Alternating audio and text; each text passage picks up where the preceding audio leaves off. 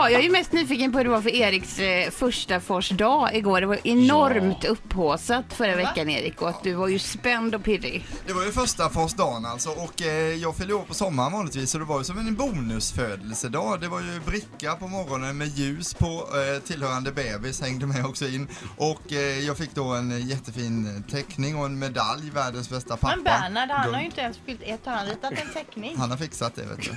Ändå. Plus att jag fick en jättefin skjorta och så här. Men sen fick jag en liten twist på fars dag. Det var att vi, ska nämligen åka, vi skulle åka till Ullared, kom det på, mitt på dagen. Var du där igår då? Jag var på Ullared igår och det var fruktansvärt kan jag säga. Jag tänkte det kan nog vara rätt bra på fars dag. Det är ju ingen, alla är ju idioter om de åker dit på fars dag så det är ju perfekt tänkte jag. Då kan jag åka dit. Det var så mycket folk alltså. Eh, ett klämt finger fick jag och två påkörda hälsenor. Men alltså fars dag påverkar ju inte Ullared överhuvudtaget. Nej, jag märkte det igår. Alltså, Fast jag kan förstå vad Erik tänker för typ att om man ska göra någonting för far, då brukar man väl sällan ta med honom till, till Ullared. Det är väl inget önskemål Nej, man har på resa det är kanske. väl inte så att det är en hel dags happening för far på första. Va? Jag fattar inte det här, det är väl ingen big deal. Min man fick två lotter och en liten chokladkaka. Ja, det hemma hos er så är det tydligen ingen Det är big lite deal. tuffare där tror Annat är jag. det med mors dag, eller hur? Ja. Får, får vi kolla med Pippi om han är kvar? Bl- Blev det något firande där hemma igår? Det var hela dagen och det Ja. var liksom middag och vad vill du äta, vad vill du att göra och ja, det var helt underbart. Det var på tårna hela gänget där. Nej, det verkar otroligt. Kan, du, kan ni tänka er att ta med er Thomas i er familj nästa vecka också? Eller nästa år, Lindas man, så han får känna på det. Hur det känns att vara uppskattad.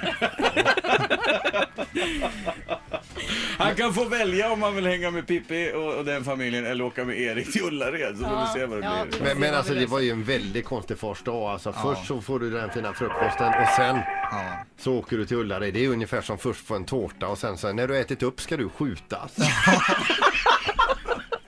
Jo, så kändes det faktiskt. Ett poddtips från Podplay.